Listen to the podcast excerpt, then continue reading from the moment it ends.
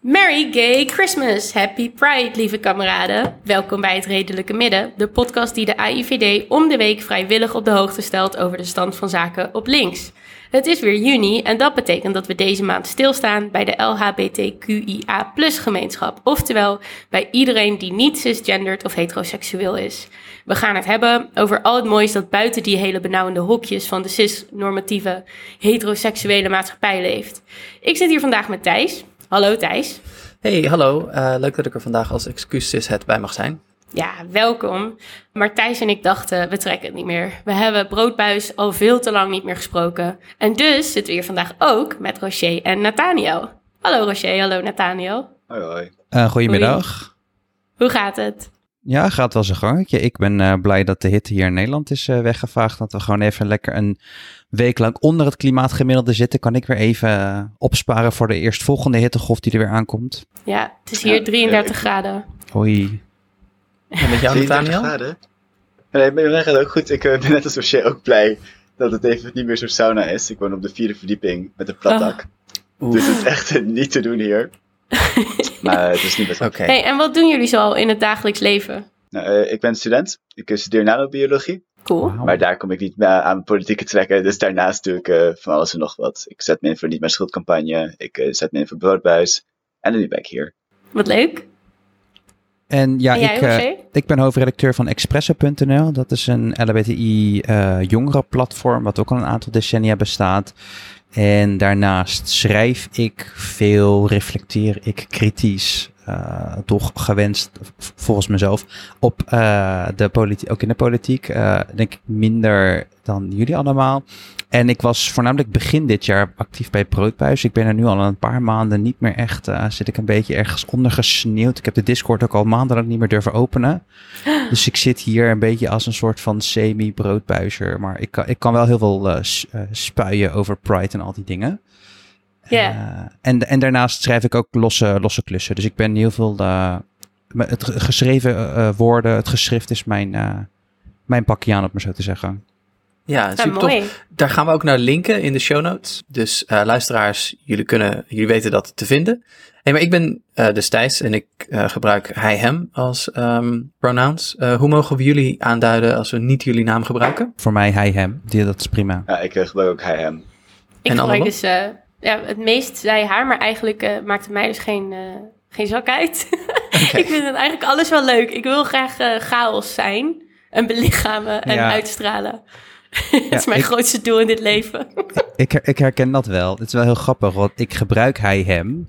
Maar wat je heel vaak ziet onder de gays, trademark, is dat ze ook heel vaak zij, haar gebruiken als een soort zusterschap of zo. Dus dan ja. ook heel vaak met, als ik met, eh, met mijn beste vriendinnen of zo, dan is het echt gewoon als je elkaar in één keer uit het niets appt van, hey sis, of weet je wel, oeh, she's pissed, Ja. weet je, dat soort dingen. Maar dus dat is wel een beetje, ook wel, ja, ik weet niet, ook wel chaos, een beetje doorbrekend. Ja. Ja, ja. Inderdaad, sommige mensen gebruiken ook zij haar pronouns aan mij. Want het is alleen binnen mijn vriendengroep dat we elkaar meid eh, of Ja. girl noemen. Precies. Dat we zij haar pro- pronouns gebruiken. Maar in het dagelijks leven is het gewoon hij hem. Ja, ik ook. Ja, hem. bij mij Ja. ook wel. En dat is ook een beetje de aanname. Maar ik herken ook wel dat de mensen die ik dan hier ken uit de queergemeenschap... dat die ook sneller gewoon mij dan dude noemen of mate. Of, en dan Mm. vind ik dat ook altijd wel heel leuk. Ja, Ja. precies. Hey, en Annelot, als ik mij niet vergis, dan ehm, heeft dit wel een soort link met eh, onze mediaan, hè? Leuk. Mijn tip deze week is een boek van Jane Ward. En dat boek heet The Tragedy of Heterosexuality. En dat boek kwam net uit in 2020. En daarin schrijft Ward ehm, dat heteroseksualiteit eigenlijk gewoon één grote blamage is. Ehm, ze schrijft er een bepaalde angstigheid aan toe. Eh, een bepaalde hang naar controle en stabiliteit, waarin dus seksuele identiteit heel erg wordt gezien als iets dat onveranderlijk is en heel erg kenbaar is. Nou, heel veel queer mensen, waaronder ik zelf, zullen dat eigenlijk een vrij absurde aanname vinden en fluiditeit en veranderlijkheid juist benadrukken. En volgens Ward kunnen dus hetero koppels nog heel veel leren van queer culture. Ik onderschrijf dat wel. Ehm, dus ik hoop dat heel veel heteroseksuele mensen die hier misschien naar luisteren dit boek gaan lezen. The Tragedy of Heterosexuality. Dus uit Tragedy of Heterosexuality. Een 2020. mooie titel toch ook? Ja, ik- Zo'n schitterend. tragedie. Ja, ik ga, er, ik ga er wel lekker op eigenlijk. Ja, nou, Dat is heel mooi. zie, zie ook de show notes daarvoor, zoals altijd. Ehm, mijn mediaan ehm, is, eh, is eigenlijk een vraag. Annelot, jij gebruikt zojuist in jouw aanbeveling het woord queer. Eh, dat is heel lang ook als scheldwoord gebruikt. Eh, kan ik als cishet dat woord eigenlijk wel, mag ik dat wel gebruiken ook? Nou, dat is best een goede vraag. Een lastige ook. Ik weet niet of uh, Roché en Nathaniel hier ook uh, ideeën over hebben. Ja, ik, ik, denk dat het een heel erg een generatiedingetje is. Want ik gebruik zelf ook het woord queer voor, voor mezelf en voor mijn vrienden. En ik zou het ook niet vervelend vinden als mijn vrienden naar mij refereren als queer, ook als ze cishet zijn. Maar ik weet dat voor sommige mensen, en vooral voor oudere mensen die het wel als scheldwoord kennen, dat dat heel, een hele andere ervaring is. Dus ja, er is niet echt een goede gouden regel voor mag je het wel of niet gebruiken. Het is, uh, ja, het is best een complex uh, stuk. Maar misschien is dus de, de gouden regel is eigenlijk misschien met eigenlijk alle vragen van uh, gender en seksualiteit van ga, af, ga af op wat degene zelf prettig vindt. Dus mm -hmm. ik denk dan ja, als, als, ja. ik vind het zelf ook altijd wel leuk als andere mensen het woord gebruiken over mij. Ik zie het altijd wel als compliment, omdat ik denk goddank ben ik geen cishet. um, maar dat is misschien ook voor iedereen zo. Wat denk jij, Roger? Nou, nu zeg maar, als de vraag zo gesteld wordt, dan kan ik erop zeggen, tenminste, ik snap wel dat de vraag gesteld wordt, omdat inderdaad wat Nathaniel zegt klopt. Het is een generatieding. Ik denk zeker onder de jongere mensen wordt het voornamelijk gebruikt als, misschien sommigen ook die het uh, als een soort synoniem gebruiken voor LBTI+, en niet te hoeven committeren aan de letters, om het maar zo te zeggen. En dat er inderdaad oudere mensen zijn van uh, oudere generaties die het nog zien als scheldwoord. Maar ik snap ook wel waar Thijs vandaan komt, omdat het herdefiniëren van het woord queer in onze generatie is eigenlijk een bepaalde mate van toe-eigening. Of van reclaiming the word, als het maar zo zeggen. En dat in, in dezelfde trant is bijvoorbeeld het N-woord voor iedereen die niet zwart is. Dat, dat is een hele andere lading, hele andere connotatie ten opzichte van mensen die wel zwart zijn. Dus het, zijn niet de, het is niet te vergelijken, de twee woorden met elkaar, maar in het perspectief van iets wat als scheldwoord is gebruikt en nu gereclaimed wordt door eigen communities. Ja, op zich, ik, ik heb het antwoord niet, maar het is wel een hele goede vraag om te stellen. Omdat in feite, we, gebruiken het nu heel veel, maar het is wel een reclaiming van onze eigen community voor iets wat, wat eerst gebruikt werd om ons negatief neer te zetten. Dus... Ja, ik denk, ik denk wel goed om over na te denken. Ik denk dat je veiliger zit met queer community. Dat kan namelijk nooit echt verkeerd worden opgevat, denk ik. Omdat je dan refereert naar de queer community. Terwijl als je iemand queer noemt, kan dat nog wel de connotatie van scheldwoord hebben. Ja. Ja, ja. dus ga er heel behoedzaam mee om. En ja. check het altijd bij degene ja. die je ermee ja, aanspreekt. Ik denk dat je eigenlijk altijd veilig als je het checkt. Ja. Ja, ja, precies. Gewoon überhaupt, weet je, proberen open vragen te stellen. Joh, mag ik je wat vragen daar en daarover? Ik denk dat je daarmee altijd in ieder geval minder vaak de fout, de fout tussen aanhalingstekens ingaat. En dat je wel meer mogelijkheden biedt om een open en laidback gesprek aan te gaan. Ja, denk ik ook wel, ja. Hey, hadden jullie nog een mediaan? Nou ja, ik, ik wou dat ik een hele goede had, maar ik, kon, ja, ik heb eigenlijk de laatste tijd vooral veel fictie en dat soort dingen zitten kijken. Ik heb wel ontdekt dat wat voor mij echt super goed werkt om te slapen, is een audioboek van een fictieboek dat ik al ken, opzetten. En ik heb nog nooit zo lekker geslapen. Dus ik ben nu opnieuw aan het, opnieuw, nou niet opnieuw aan het luisteren, maar aan het luisteren naar iets wat ik eerder heb gelezen, de Starless Sea, een fictieboek. Oh. En om dat dan toch een beetje terug te koppelen uit het onderwerp, het hoofdkarakter is gay, maar het boek gaat niet over gay zijn. Nee. En dat is op zich wel een heel mooi iets, wat je niet veel ziet. Waar gaat het boek dan wel over? Het boek gaat over verhalen. En het is, het is heel moeilijk om het boek te beschrijven, maar het gaat dus over een jongen, Zachary, die een boek vindt waar allemaal short stories in staan. Maar een van die verhalen gaat over iets wat in zijn jeugd is gebeurd. Huh. Uh, terwijl dit boek is like, meer dan 100 jaar oud. Hmm. En, dus, en het gaat over dat hij eigenlijk een avontuur heeft gemist. Hij heeft een keuze gemaakt waardoor hij iets heeft gemist. En dat hij dat later pas weer terug gaat vinden. En dus nu wil hij eigenlijk komen van, maar hoe ga ik dat terugvinden? Wat heb ik gemist? En gaat, daar gaat hij naar op zoek. Ja, ik krijg, het ik is krijg, mijn favoriete boek. Ja, ik krijg kippenvel als je het nu zo zegt. Want het, het grappige is, ik heb dat boek dus gelezen. Hè? En ik vond oh, het, jij ik, ook? ja, ja, ik heb hem gelezen, maar ik alleen gelezen. En ik vond het relatief moeilijk om doorheen te komen. Omdat je inderdaad verhalen in verhalen hebt. En het, Ja. het is heel literair en heel wollig geschreven op momenten. Maar de tip om Ja. het te beluisteren, dat activeert natuurlijk, he- eh, om even bougie allemaal te houden, activeert hele andere kanten van je brein, om maar zo te zeggen. Dus wellicht dat een luisterboekje van veel meer tot de verbeelding werkt. Ja. Ja, nee, ik vind het echt geweldig. Ja, nice. Wat heerlijk ook om, om zo'n doorbraak eh, te hebben in, in van, van een mooi verhaal. En dat je dan denkt, oh ja, dat, dat moet ik misschien toch weer eens oppakken. Ja. Ja. Hey Roger, had jij nog iets? Ja, ehm, eh, een, een memoir van Mohsin Zaidi. En eh, dat heet A Dutiful Boy. En dat is eigenlijk een memoir of a gay Muslim's journey to acceptance. En ik vond het een heel mooi boek. Eh, omdat het een heel, omdat het eigenlijk een, een memoir is, een, een boek geschreven vanuit een homoman van kleur en perspectief. En benadrukt heel erg de intersectionaliteit die er is, die een identiteit kan hebben. En ik heb nog nooit, ik ben, ik zelf niet moslim. Ehm, volgens mij komt Zaidi zelf uit Pakistan en mijn voorouders komen uit India. Dus in dat opzicht hebben Zaidi en ik wel een beetje een soort van een soort gelijk uiterlijk, weet je, Zuid, Zuid-Azië, maar zo te zeggen. Ehm, maar ik heb me nog nooit zo erg kunnen vinden in een boek op een manier dat het boek geschreven is door iemand die meerderezelfde aspecten in de identiteit heeft eh, zoals ik. En dat geeft bepaalde, dat, dat, dat, dat opent ook bepaalde deuren in je, in je geest, om maar zo te zeggen. Omdat de, de ervaringen van queer mensen van kleur of zwarte queer mensen, en hetzelfde geldt dan ook voor de transgemeenschap, die zijn niet zo wijd verspreid in termen van hele vele boeken of zo. En het is, je krijgt toch wel van die kleine eureka en aha-momentjes als je iemand anders iets ziet beschrijven dat je denkt, hé, hey, wacht eens even.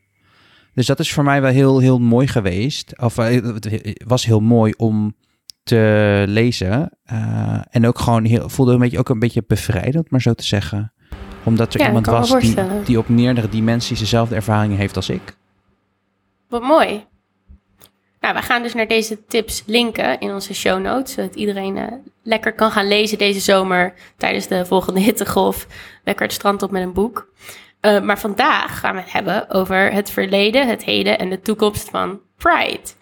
Dus laten we eigenlijk meteen van start gaan. Thijs, hoe begon Pride eigenlijk? Wat gebeurde er in New York waar Pride door tot stand komt? Ja, eh, dat is een korte geschiedenis. Eh 52 jaar geleden, dit jaar in juni 1969. De eerste Pride was een rel en een daad van zelfverdediging tegen de politie. De politie had namelijk de gay bar Stonewall aangevallen met wapens en stokken. eh, in een poging die te ontruimen. En de community eh, vocht terug. En eh, dat is dus het startschot voor Pride in New York. Een van de mensen overigens in de voorhoede van dat verzet was Marsha P. Johnson, een transgender pionier en activist. En de P in haar naam stond voor Pay it no mind, wat ze altijd zei eh, als een zelfverkozen verwijzing als mensen naar haar eh, gender vroegen. Eh, pay it no mind, besteed er geen aandacht aan. En na de Stonewall-rel werd op 28 juni 1970 de eerste Pride ooit gehouden in New York. Dus dat is dan 51 jaar geleden. Vorig jaar waren de festiviteiten door COVID natuurlijk van een heel ander karakter. maar dit jaar wordt het weer uitbundig gevierd. En hoe zit het in Nederland, Annelot? In Nederland eh, vonden ook kleine demonstraties plaats in zowel 1969 en 1970. Maar in 1977 werd Gay Pride in Nederland ook echt een event. En het heette toen nog Internationale Homo Bevrijdings- en Solidariteitsdag. Want als ik dit zo hoor, dan hoor ik het zo voor me in zo'n eh, nieuwslezerstem uit 1950. Um, ik niet zo lekker. maar twee jaar later werd dat dan ook snel al Roze Zaterdag. Vanaf 1981 werd toen ook besloten om Roze Zaterdag elk jaar in een andere stad te houden. Uh, ook met eigenlijk de gedachte van, nou, al die provinciesteden in Nederland, die hebben misschien nog wel iets meer behoefte aan uh, uh, wat progressieve festijnen rond dit thema dan de grote steden. En vanaf 1996 pas eigenlijk kreeg Amsterdam haar eigen Pride. En die werd steeds langer uh, met de welbekende botenparade als hoogtepunt. En dit jaar vieren we de 25ste editie daarvan. Er komen soms wel meer dan een half miljoen mensen op af, maar die massale drukte is eigenlijk pas van de laatste tien jaar. Dus ik las dat in 2009 er nog 110.000 mensen op afkwamen. Als je dan tien jaar vooruit springt naar 2019, zijn dat er 560.000. Uh, tegelijk Wow. heb je natuurlijk ook Pride nu in andere steden. Bijvoorbeeld in Alkmaar heb je een botenparade sinds 2010 en in Utrecht sinds 2017 een Kennel Pride Parade. Maar eigenlijk zijn dit dus nog best vrij recente ontwikkelingen. En is Pride eigenlijk in vrij korte tijd steeds groter geworden. Wauw. Vertel ik deze geschiedenis uh, goed, Rocher, want ik denk dat jij hier ook heel erg uh, in thuis bent. Ja, ik zit, uh, pardon my language, balls deep in, onze, in de geschiedenis van onze community. En uh, voor zover ik weet heb je het wel inderdaad uh, hartstikke goed. Het is ook dat het grappige is, is dat bijvoorbeeld de, de Pride Team in Amsterdam kennen, heeft ondertussen vandaag de dag zijn de derde naam. Want inderdaad in 1996 uh, was, stond het eerst bekend als Amsterdam Pride. Tot 2007, van 2007 tot 2016 werd het de Amsterdam Gay Pride genoemd. Of de, ja, en sinds 2017 heet het weer Pride Amsterdam. En het, het, ook wel uh, wat veel mensen denk ik minder weten, is dat wat inderdaad onze, onze, onze vorm van verzet en rally in Nederland zijn inderdaad in de vorm van Roze Zaterdag. En de, de Pride Amsterdam die we kennen, die in 1996 is opgericht, was eigenlijk meer gewoon letterlijk het feestje. Ja. Dus, dus en ze hebben pas veel later in de jaren hebben ze ook het emancipatoire karakter van Pride aan zich tot zich genomen. Voorheen werd het gewoon, inderdaad, was het echt alleen een feestje, was het echt alleen een festijn. En moesten we het in termen van verzet uh, vooral hebben van de Roze Zaterdag. Hoe komt dat, denk je? Nou, ik weet in ieder geval wat ik weet van Pride Amsterdam is dat het voornamelijk gewoon is opgericht als feestje toen de tijd om voornamelijk alle homokroegen te verenigen en meer om het te vieren. Um, en inderdaad, die roze zaterdag, want, dat, want uh, dat is ook uh, de, de invloed van Stonewall gaat heel ver. Want Roze Zaterdag is opgericht in, uh, door de invloed van Stonewall. Het nieuws van Stonewall heeft op een gegeven moment Nederland bereikt en daar is Roze Zaterdag uit voortgekomen. En dat ging ook niet altijd van een leien dakje, want je had het over 1981 is het op een gegeven moment dat het uh, verder kwam, dat het door het land heen ging.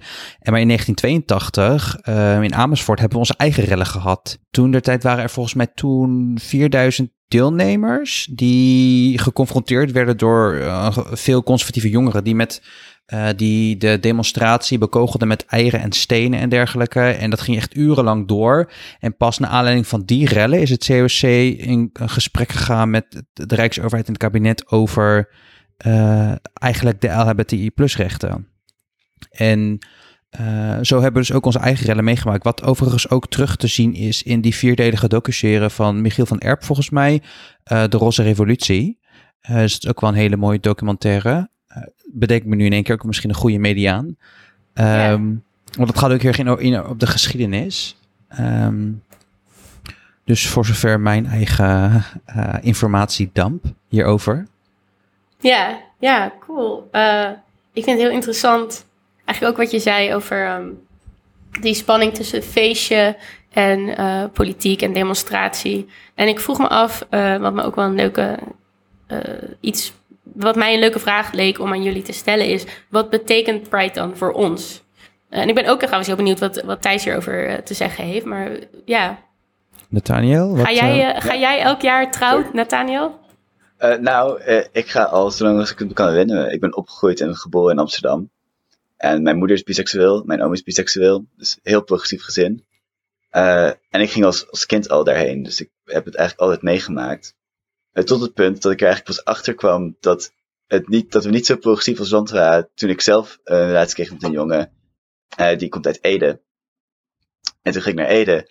En ik zat gewoon lekker prima. Ik dacht, nou, het maakt dan niet uit. We wonen nog in Nederland. En toen was van, nou, ik zou wel uitkijken hoor. Dit, dit, is, dit is niet Amsterdam. Tot het punt, la later dat jaar, dat ik zelfs in Amsterdam een keer nageroepen werd. Terwijl ik dacht van, hè, ik woon hier al zo lang. En ik ben gewend om, ja, dat het allemaal wel prima is. Maar dat, dat, viel, dat viel me vies tegen toen ik uh, zelf ermee te maken kreeg. Mm -hmm. Maar voor mij is Pride altijd wel een moment geweest van, oh ja, dit, dit kan gewoon allemaal. Ik kan gewoon lekker mezelf zijn in de stad en mijn eigen ding doen. En hoef me geen zorgen te maken dat er iets naars over, iets na naars overkomt. Is door die ervaringen die je had ook Pride voor jou minder een feestje geworden en minder een, of meer, minder een feestje geworden en meer een noodzaak? En ook meer een, echt een, een ja, een, een viering van het verzet tegen dat soort reacties? Ja, nee, echt, dat, ja, dat heeft me echt wel een heel ander gevoel meegekregen, uh, meegegeven. Het voelt nu, nu veel meer als een, oh ja, jezelf zijn is eigenlijk al een protest. Ja. Dus ook al als dat feest zelf misschien niet het protestkarakter heeft, het feit dat we er allemaal als onszelf staan, is op zichzelf al het protest. Want het is niet overal even normaal, zelfs binnen dit land niet. Hmm. Herken je dit, Rocher? Ervaar je dit ook zo? Eh, ja, ja mijn, eh, ik, ik, ik heb Pride niet vanaf jongs af aan meegemaakt. Ik kan me niet eens meer echt herinneren wanneer ik wel naar Pride ben gegaan. Maar mijn, ik heb, ehm, wat ik, hoe ik het zelf altijd omschrijf, op een, volgens mij heet dat een alliteratie. Voor mij is Pride eh, verzetten, vieren en voelen. Ehm, Pride is voor mij het verzetten. Het verzetten tegen de onderdrukking die we vandaag de dag nog steeds ervaren. Kijk maar wat er gaande is in Hongarije. Kijk maar wat er gaande is in Polen. Weet je, dat zijn alleen maar voorbeelden die je zo in me opkomen. Maar het, het, laat zien dat we nog steeds keihard moeten verzetten. Zeker ook tegen de soms conservatieve bewegingen die proberen de samenleving aan zich weer terug te draaien uh, van de progressiviteit die we bereikt hebben. Uh, maar Pride is voor mij ook vieren. Ik, ik vier het ook, want zeker in een wereld die ons zegt dat wij niet mogen zijn, dat wij ons bestaansrecht er niet is, dat wij een abomination zijn of whatever, is het alleen maar beter om je, die, die zelfacceptatie te vinden en jezelf daarmee te vieren en onze gemeenschap daarmee te vieren. Dus naast dat ik me verzet, vier ik Pride ook. En Pride is voor mij ook voelen, um, omdat ik de verbinding voel met onze community en je daardoor minder alleen voelt. Uh, ze zeggen altijd, je hebt natuurlijk je eigen, uh, je eigen familie en daar heb je een erfenis bij en whatever. En ik, ik beschrijf altijd als dat is een soort organische erfenis. En met Pride hebben wij een soort, of uh, met onze gemeente hebben we een soort kunstmatige erfenis. Dus kunstmatig niet per se een heel mooi woord, maar het laat wel zien dat onze gekozen familie er ook voor zorgt dat, we, dat we dingen leren en, en dat we, dat we voor onszelf leren opkomen en dat we in verbinding blijven. En zeker omdat je als je queer bent of LGBT+, je ontdekt dat, dan voel je je heel erg alleen. Zeker als je opgroeit in een plek waar, dat, waar die zichtbaarheid niet zo is. Dus voor mij komt er ook een aspect van verbinding voelen bij kijken wat betreft Pride. En daarom is het ook zo belangrijk voor mij om al die drie uh, facetten en aspecten daarin mee te nemen. Hmm. Ja, ik kan me goed voorstellen. Um, ik had zelf met Pride in Amsterdam, in ieder geval de laatste paar jaren dat ik daar dan was, dat ik het steeds vervreemdender begon te ervaren. Um, ik had het idee dat um, steeds, elk jaar meer heteroseksuele mensen daarop afkwamen.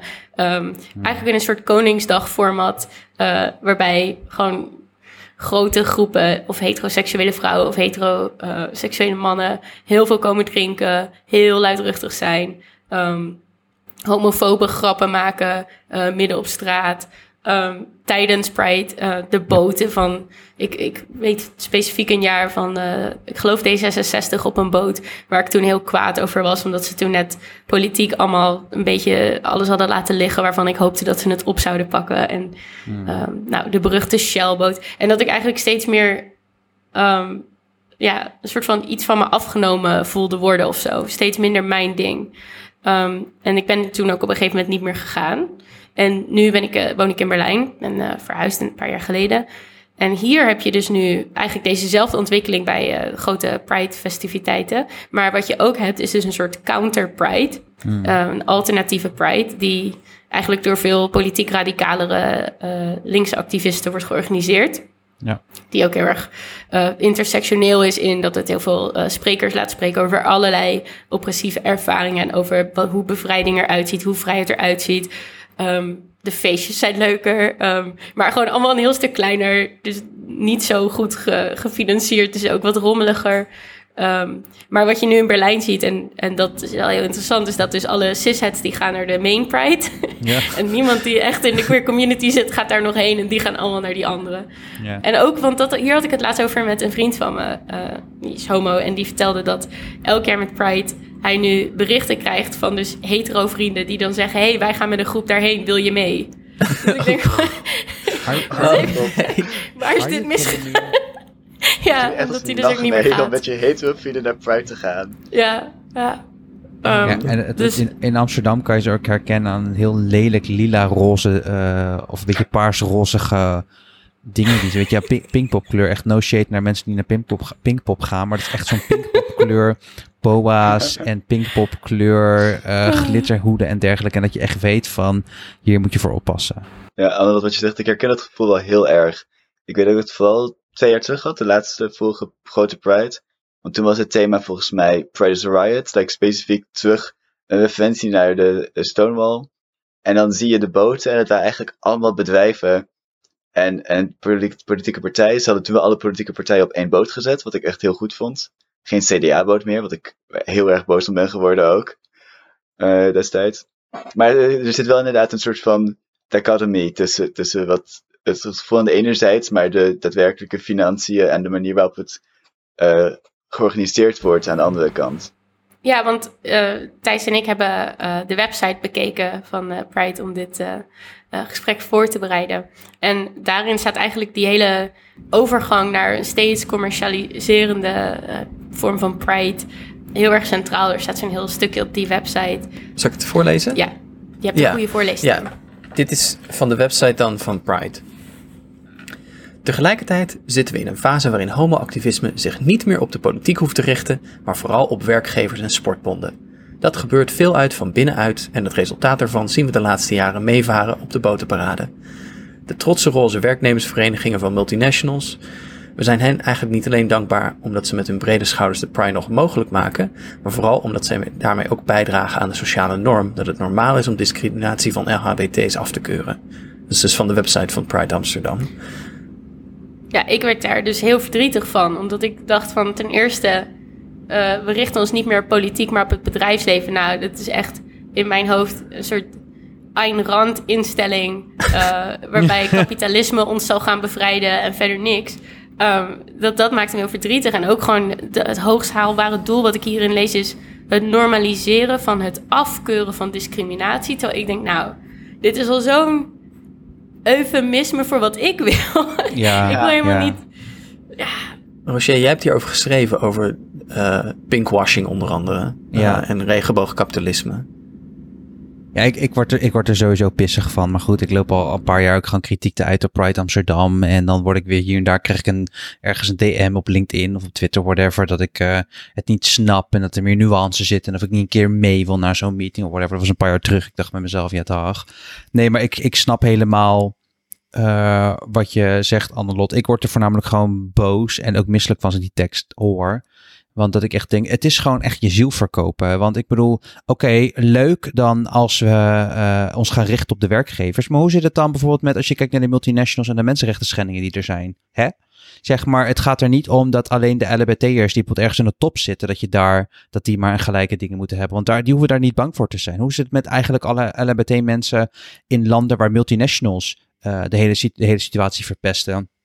Ik zie dat heel erg terugkomen bij een organisatie genaamd Workplace Pride. Eh, die is heel erg gericht op eh, eigenlijk de, work, de pride op de workplace. De, de LHBTI-situatie, om het maar zo te zeggen, in grote bedrijven en corporaties. En ik heb daar ook helemaal niks met die organisatie. Die hadden mij gevraagd om, eh, volgende week is hun conferentie, ze hadden mij gevraagd om deel te nemen in een panel over intersectionaliteit.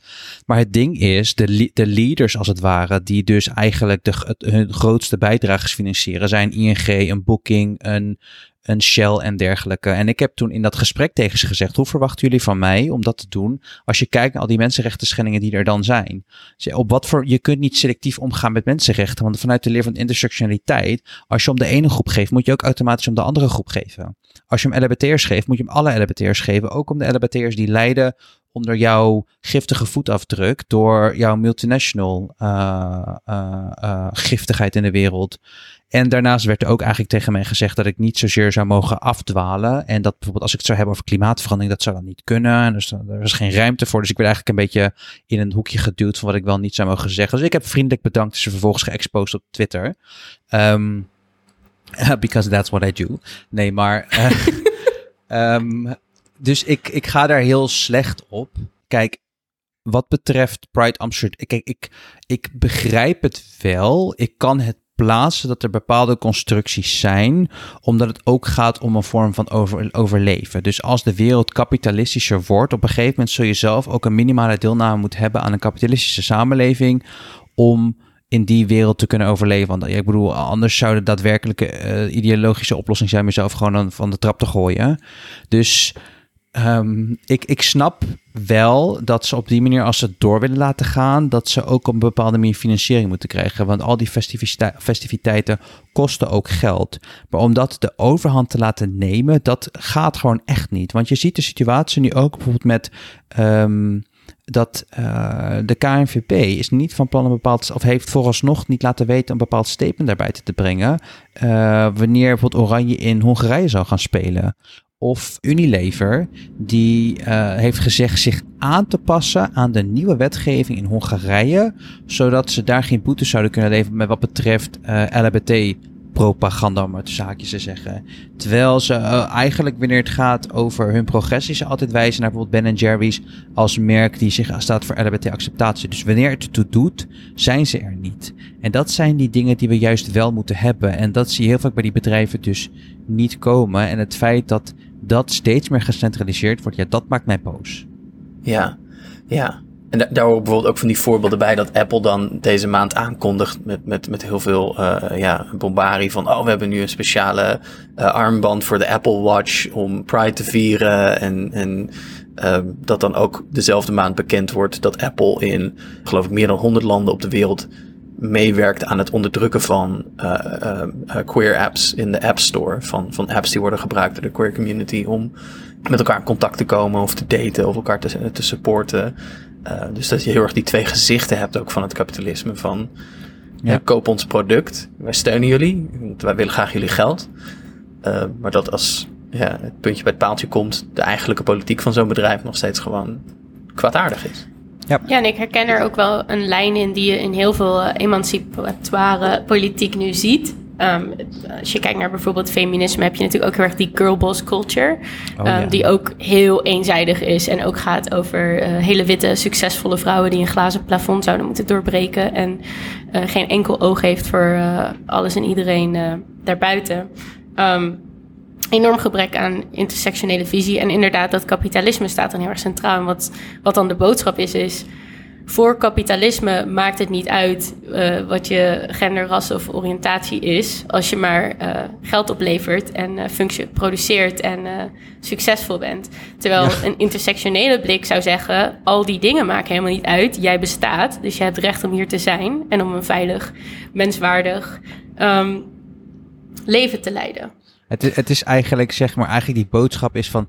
ook jij kan meedoen aan het kapitalisme en de wereld verpesten. Dat is eigenlijk gewoon Ja. een beetje Jij de kan boodschap. onderdrukken. Ja, precies. Ja. Ook Ja. jij kan een onderdrukker worden. Ook jij kan eh, floreren in de kapitalistische wereld. Dat is eigenlijk gewoon die boodschap van, Ja, van dat soort, dat soort ehm, eh, eh, ja, hoe zeg je, em- emancipatie-washing, om maar zo te zeggen. ja. Ja, Oh, mooie term. emancipatie was je. Ja, Ja, net- is wel bij de eerste laag van like, onderdrukking, hè, waar je bijvoorbeeld een witte vrouw, die kan dan nog wel aan de top mensen onderdrukken. Je ziet het ook dat nu bij witte homo mannen, dat je dat ook nog Ja. wel eh, re- relatief geëmancipeerd bent. Je hebt het nog steeds wel moeilijker dan een witte hetero man, maar je ziet wel het verschil tussen een witte homo man en een zwarte homo man, of een Mhm. witte homo vrouw. Dat daar echt wel verschillen in zitten. Ja. S- Nathaniel, je had het eerder over generaties. Ehm, ehm, hoe, hoe keek jij er tegenaan, zeg maar, dat hele idee van de, van de pinkwashing en, en zeg maar die commercialisering van Pride en zeg maar het proberen om die beweging die begon in verzet eigenlijk zo binnen zo'n kapitalistische orde te trekken? Kijkt, kijk jij, jij kijkt daar doorheen. Hoe, hoe is dat in jouw omgeving? Eh, het, het verschilt heel erg. En je ziet het vooral bij de mensen. Ik heb zowel vrienden die eh, wel queer zijn, maar wel een stuk succesvoller zijn. En die zijn daar veel minder kritisch op. En dat zijn dan vooral witte homo mannen die best wel gewoon een goed betaalde baan hebben. Die denken van, nou ja, toch hartstikke mooi dat, eh, dat, dat het eh, BMW even een regenboog-icoontje hebt. Heeft eh, met Pride, laat ze toch even zien eh, dat, wat ze belangrijk vinden. Maar dan vooral met, met wat jongere vrienden, die wat meer van mijn generatie zijn, die zijn net veel kritischer op. En die eh, zitten te kijken van, ja, heel leuk dat BMW een regenboog-icoontje heeft in Europa. Maar als je naar een Saudi-Arabië-account gaat, doen ze Ja. dat zeker niet. Nee. Dus dat is allemaal, als je alleen, als je het alleen maar doet om geld van me af te troggelen, ja, heb ik er eigenlijk niks aan. Eh, en ben ik ook wel heel kritisch op. Maar toevallig vandaag eh, zag ik iemand zeggen dat eh, een andere kant ervan is dat het wel weer eh, voor jonge queer mensen in bijvoorbeeld Nederland is die regenboogvlaggen zien op bedrijven wel een soort van idee van, oh, dat kan dus gewoon. Dat, dat, dat mensen open over. Dus ook al is het misschien verschijnt, kan, heeft het wel ook een positief effect op. de zichtbaarheid heeft ook wel weer een positief effect. Dus dat is dan wel weer moeilijk Ja. nuance eraan. Ik, ik, ik snap wel wat je bedoelt, Na- Nathaniel. En ik deel dat ook. Ik bedoel, kijk, iets is beter dan niets. Als je vanuit dat perspectief of vanuit dat, die, die denkwijze, dan ben ik het met je eens. Wel ook wat betreft zichtbaarheid, maar tegelijkertijd, kijk, dat is een logo die naar buiten gaat. Maar in hoeverre spreekt dat logo ook over de interne bedrijfscultuur of de interne bedrijfspolitiek? In hoeverre is er bijvoorbeeld eh, ook, ook een Nederlandse organisatie en bedrijf, is er de mogelijkheid voor transpersonen om bijvoorbeeld wanneer die besluiten om in transitie te gaan, dat, ze daar, dat daar een verlofregeling voor is? Of moeten zij, want er zijn ook organisaties waarbij transpersonen die dat willen, eh, met hun leidinggevende gesprek moeten, eh, omdat het een eh, zeg maar situatieafhankelijk is. Dat ze gewoon een soort van maatwerk moeten leveren. Maar dat, dat vraagt wel dat jij de meest intieme kant van jezelf aan je leidinggevende laat zien, bijvoorbeeld. Is, daar, is die ruimte en veiligheid daar? Hoe, is het met de eh, meer, is er een meer ouderconstructie? Eh, want zeker als je kijkt naar regenbooggezin, om het zo te noemen. Bijvoorbeeld, eh, laten we even twee homomannen pakken die bijvoorbeeld een draagmoeder hebben of iets in die richting. Of een drie-ouderschap of polyamorie daar, voor for that matter. Is daarvoor iets te doen op de, op de, op bedrijfsvloer? Weet je wel, zijn bedrijven ook eh, bereid om de zichtbaarheid van hun eigen, van überhaupt LBT'ers binnen hun bedrijf te vergroten, daar de mensenrechten of daar de rechten voor te verbeteren en ook dat te laten zien, hun beleid aan te passen? Is er bijvoorbeeld budget voor de, de roze netwerken, om maar zo te zeggen?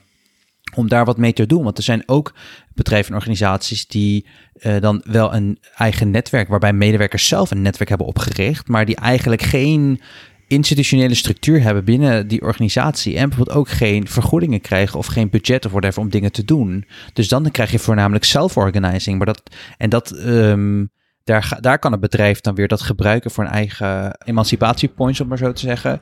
Maar in die end uh, krijgen de LBT'ers in die organisatie, gaan er niet op vooruit. Dus dat is niet zozeer een, uh, of ik ben ben weer lekker aan, aan, het, aan het informatiedumpen.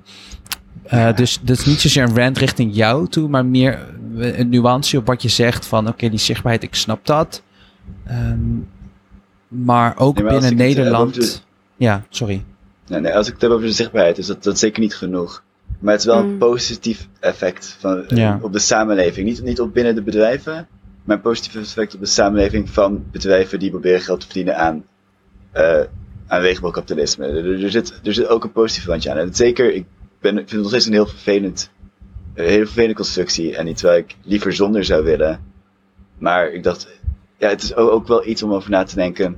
Mm-hmm. Dat als, je zou, als ik zou moeten kiezen tussen alle bedrijven van Pride af en dan mezelf organiseren, maar dan ook helemaal zeg maar, geen aandacht meer krijgen, weet ik niet of ik dat zou doen. Ik weet niet, ik weet niet of dat een ja, beter er zijn, alternatief is. er zijn wel ook uh, middenwegen. Dus bijvoorbeeld als je kijkt naar uh, Pride Amsterdam, dat kost uh, 1,4 miljoen, dat is een hoop geld.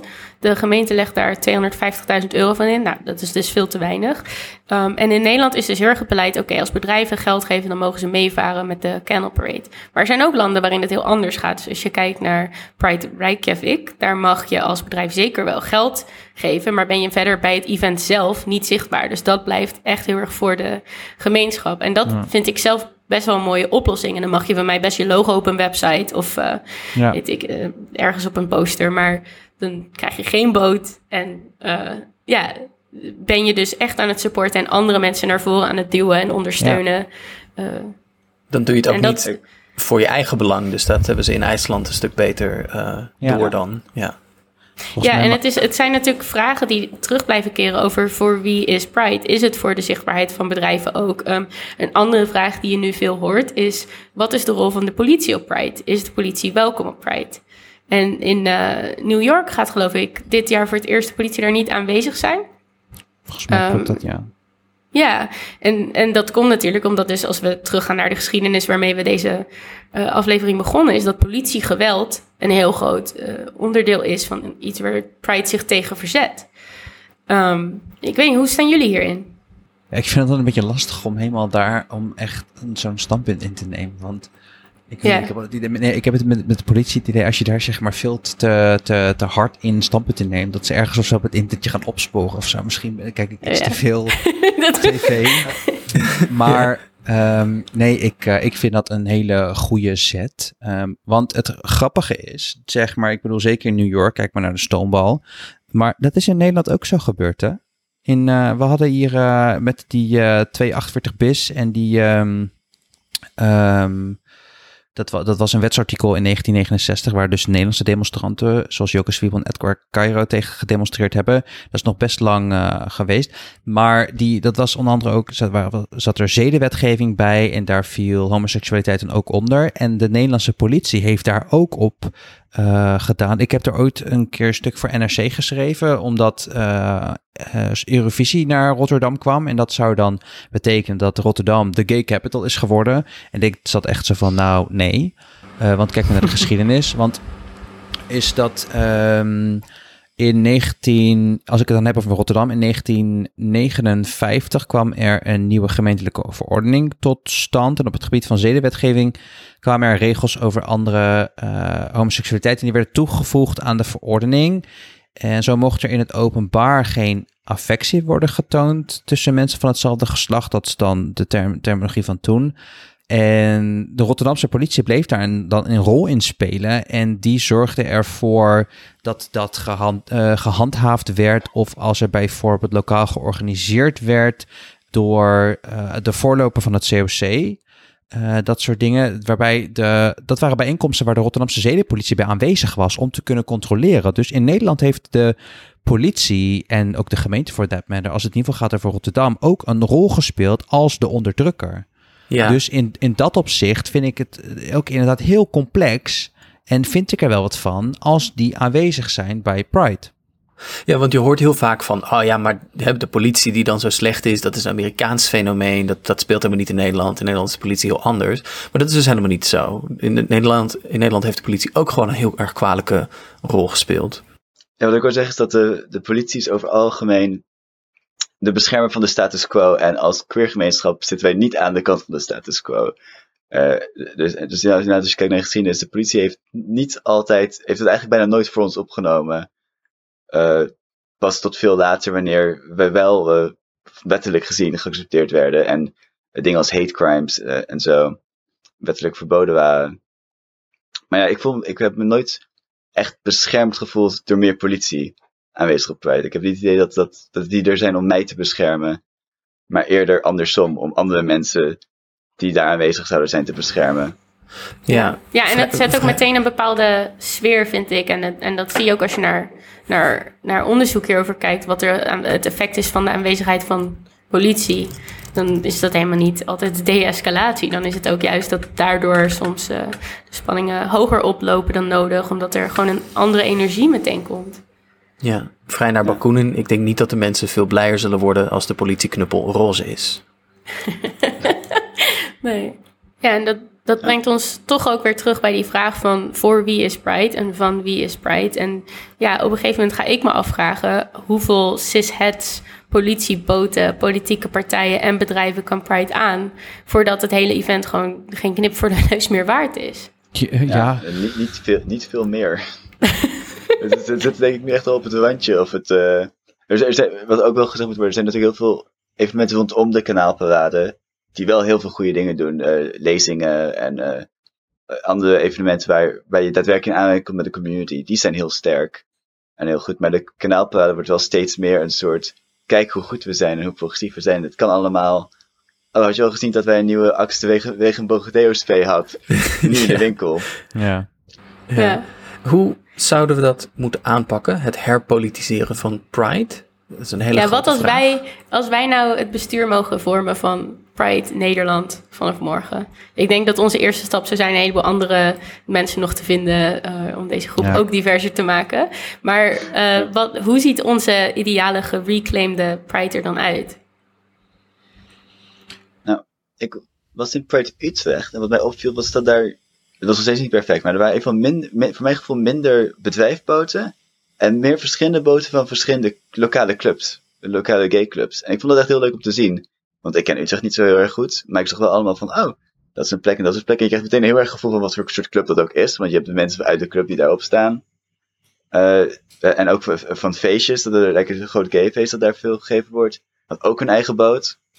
Eh, daar ken ik toevallig iemand van die daar in de organisatie zit. Maar dat, dat vond ik al, al echt heel leuk om te zien. Dat ik dacht van, oh, dit is, dit is Utrecht. Dit is de queer Utrecht scene. Ja. Eh, dus dat is al iets wat ik zou toevoegen. en jij, Rocher? Ja, ik, ik weet het niet. Ik zit erover na te denken en dus sowieso is het een hele opgave. Maar ehm, ja, nee, ik vraag me af of het centraal stellen van iets of van één ding de meeste mag geven, of dat per definitie al niet langzaam eh, een, een, een, tot verdoemenis zal leiden, maar zo te zeggen. Klinkt heel macaber of heel, heel om het zo te zeggen, maar meer het doet me denken aan, je hebt ergens volgens mij natuurkunde of whatever, of of weet ik het. De theorie dat alles uiteindelijk tot, tot chaos komt. Alles is, zeg maar, zal, gaat van orde langzaam naar chaos. En ik vraag me af of zoiets ook niet toe- toepasbaar is op één organisatie of whatever eh, de monopolie geven in macht. Want je zegt Pride Nederland, weet je, dan zouden wij dat dan doen.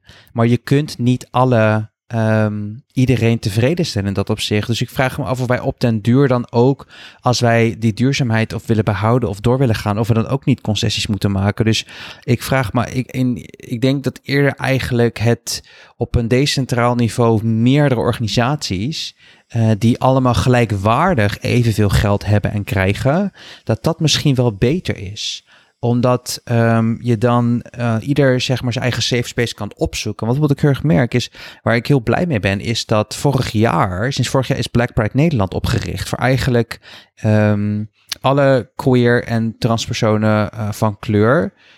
waar die ook centraal worden gesteld. En ook allemaal verschillende kanten. Dus denk aan eh, de Cariben, denk aan Suriname. Weet je, al die verschillende pioniers daar worden ook in, worden daar eh, geëerd. Ehm, en, en dat helpt. Weet je, die hebben nu hun eigen, dit jaar hun eigen Pride Week. Eh, precies over een week wordt die afgetrapt met een protest. En dan hebben ze een hele week met verschillende evenementen, zoals een bal en, en, en weet ik het allemaal. Dus ja, ja, wat wij zouden kunnen doen, ja, geen idee. Wat wij zouden kunnen doen is eigenlijk als eh, organisatie met monopolie van macht en middelen, is die allemaal herverdelen tussen de rest, zodat we allemaal gelijk getrokken worden. Dus we, hier komen we toch weer terug op een heel erg socialistisch, eh, als het zeg maar insteek van Pride.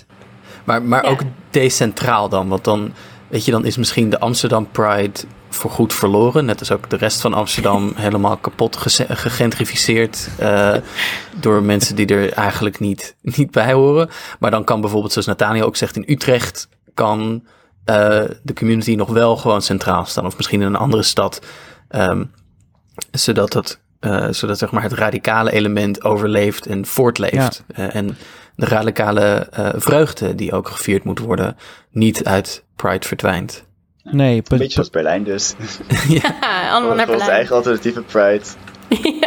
Ja, maar dat Ja. soort dingen zie je ook wel gebeuren. Want als je kijkt naar Rotterdam Pride, dat is toch wel jarenlang een problematische Pride-organisatie geweest. Vanwege dat zij eh, minder een stelling wilden innemen bij eh xenofobe en racistische organisaties die deelnemen, deelnamen aan de Pride Walk.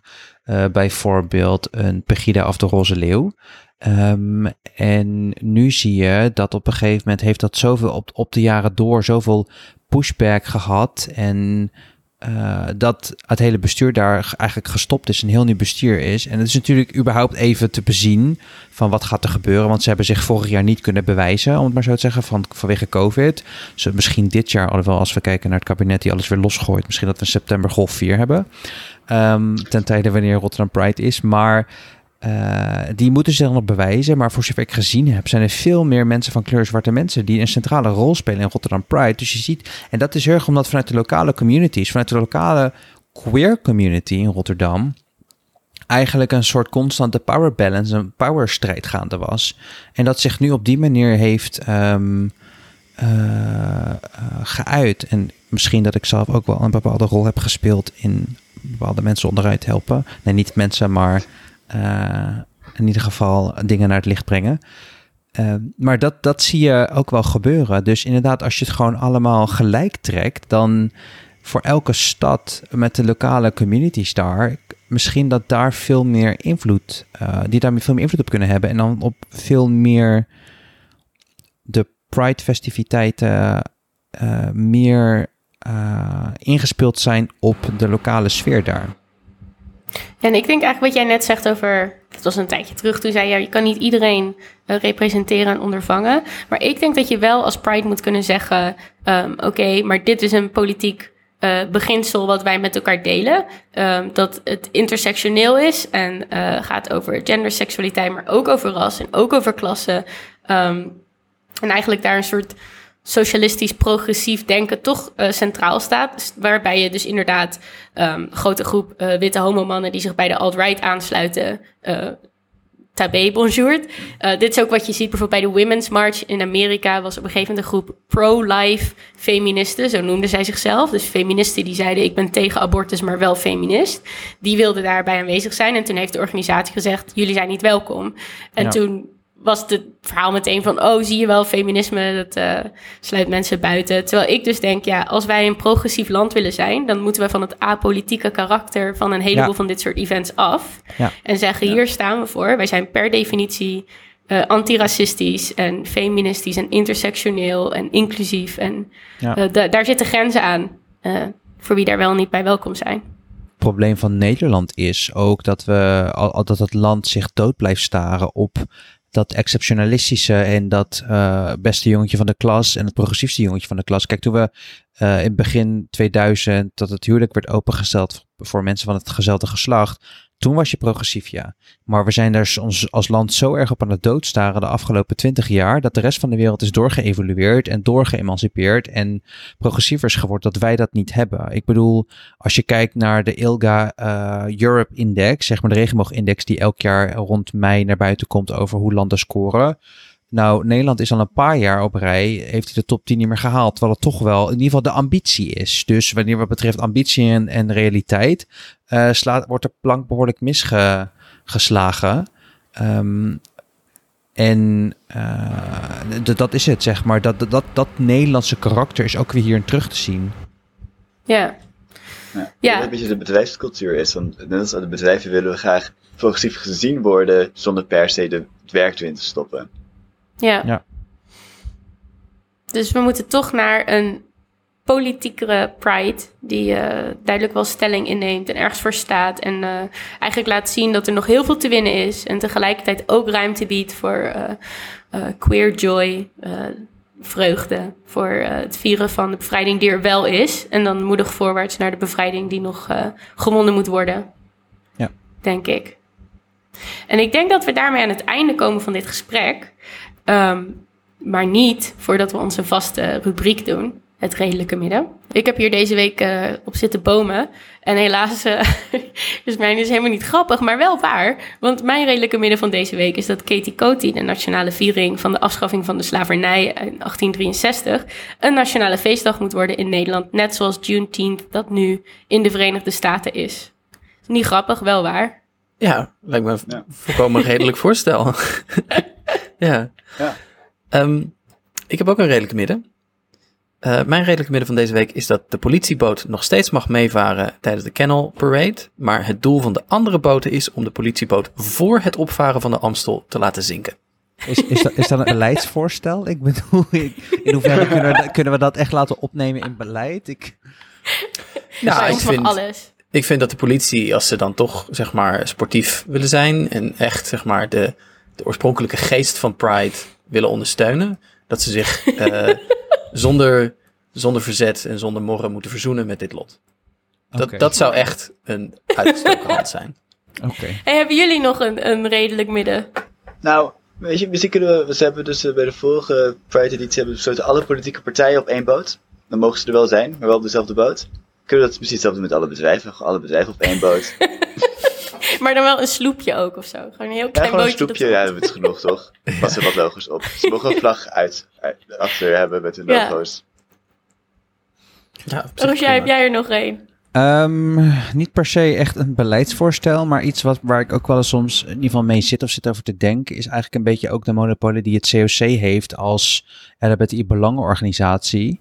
Eh, en zich daar ook op die manier profileert. Kijk, ze hebben natuurlijk wel een hele grote geschiedenis, maar wat je heel erg merkt, ook bijvoorbeeld met het COC, eh, met, met het regenboogdebat als het ware, wat er heel voor, de verkiezingen nog plaatsvond, is dat zij besloten hebben welke politieke partijen er mochten komen of mochten niet komen. En bijvoorbeeld dat eh, partijen zoals een Volt of een Bijeen überhaupt niet waren uitgenodigd, terwijl partijen zoals een ChristenUnie, een DENK, een Forum en een PVV allemaal hun eh, uitnodiging hebben afgeslagen. En zelfs met die kennis zijn Volt en Bijeen niet uitgenodigd.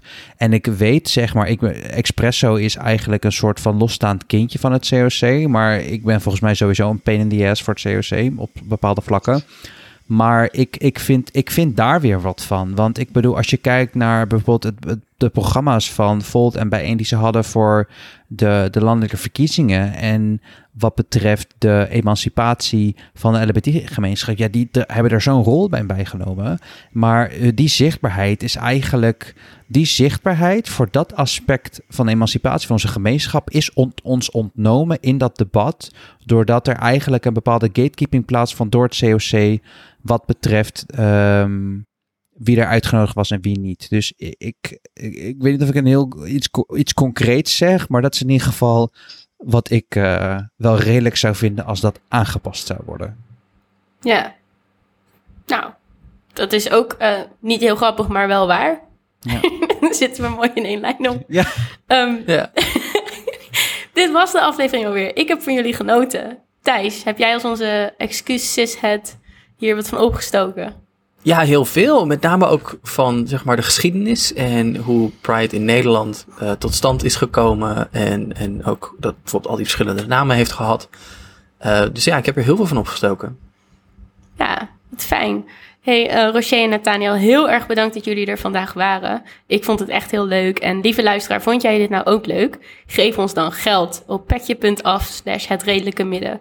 Eh, wij hebben geen eh, enorme multinationals achter ons staan, maar doen dit grotendeels vrijwillig met hopelijk binnenkort wat geld om in ieder geval de technische kant hiervan mee te betalen. Voor 3 euro per maand kan je namelijk bijvoorbeeld bij de live-opnames zijn. En heb je toegang tot onze vrijdagavondstreams. En die vrijdagavondstreams, die zijn heel cool, toch Thijs? Ja, die zijn heel erg cool. Ehm, die, eh, we luisteren bijvoorbeeld samen muziek of we praten over persoonlijke beslommeringen of nemen gewoon de week door. Eh, maar het is altijd gezellig, altijd laagdrempelig. En je kunt er dus bij zijn. Ja, en voor 10 euro per maand heb je eigenlijk precies datzelfde. Want wij vinden, eh, willen daar niet op onderscheid in maken. Maar dan krijg je ook een shout-out van ons in de aflevering. En zo'nzelfde shout-out krijg je ook voor een eenmalige gift. Want dat is ook no- eh, nog mogelijk. Als je een bepaalde aflevering heel leuk vond, kon je dus gewoon daar bijvoorbeeld 1500 euro voor geven. Dat zijn, dat zijn Ja. Nathaniel en ik wel waard. Absoluut, vinden wij wel. Ja, toch? Ja. Ik denk dat onze 7,50 bankrekening dan een soort auto-destruct doet, omdat hij dat niet kan. Maar goed. Ehm, hey, wil je nou meer van ons horen? Volg ons dan op de socials. Nathaniel, waar kunnen mensen jou volgen? Eh, op eh, Twitter, at Lapin, L-A-P-L-I-N 13.